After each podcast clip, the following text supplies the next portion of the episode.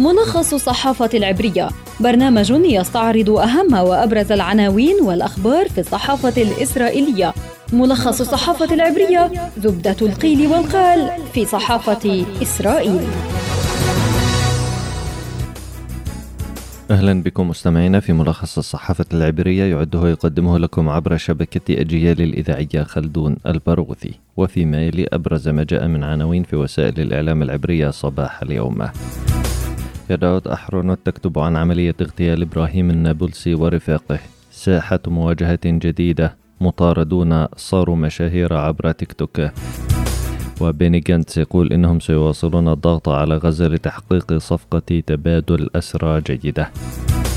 في القناة الثالثة عشرة بعد اغتيال النابلسي إسرائيل تخشى من الجيل الذي سيتخذه قدوة له.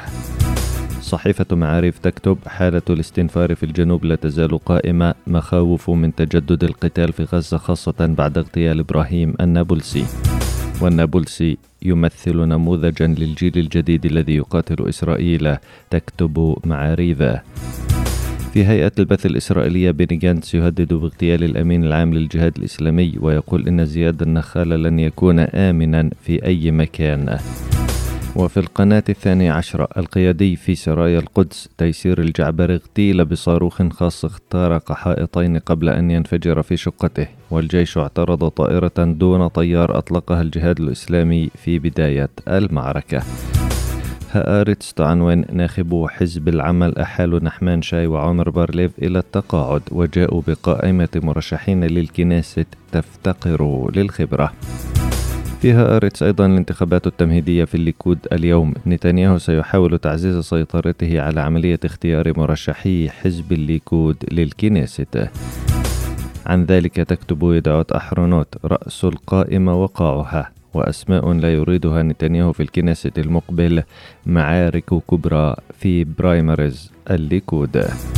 ركزت الصحافة العبرية صباح اليوم فيما يتعلق بالشأن الفلسطيني على الجانب الأمني المتعلق بتبعات اغتيال إبراهيم النابلسي وإسلام صبوح وحسين جمال طه صباح أمس في نابلس. وعبرت وسائل الإعلام العبرية عن خشية إسرائيل من الجيل الجديد الذي سيرى في النابلسي ورفاقه قدوة ونموذجا يحتذى. وتناولت التقارير كيف استغل الجيل الجديد من المطاردين الفلسطينيين مواقع التواصل الاجتماعي خاصة تيك توك في توصيل رسالتهم ما جعلهم متابعين من عدد كبير من الجيل الجديد. وكتبت عناب حلبي في يدعوت أحرنوت عن إرهاب التيك توك حسب وصفها. الذي بات ساحة مواجهة جديدة تخوضها إسرائيل. تنشر عليه فيديوهات المطاردين الفلسطينيين ورسائلهم التي تدعو إلى مقاومة إسرائيل. وتستعرض الكاتبة عددا من أسماء شبان تسعى إسرائيل إلى اعتقالهم باعتبارهم نجوم تيك توك بسبب تحريضهم على إسرائيل. في صحيفة معاريف أيضا يقول تال ليفرام إن النابلسي بات قدوة بالنسبة للجيل الفلسطيني الناشئ خاصة في نابلس وجنين ويشير ليفرام إلى أن دور شبكات التواصل الاجتماعي بات مهما في ذلك. كذلك تناولت القناة الثالث عشر هذا الجانب أيضا ونشرت تقريرا لها بعنوان بعد اغتيال نابلسي مخاوف من أن يقلد الشبان الفلسطينيون مخرب التيك توك حسب وصف القناة العبرية.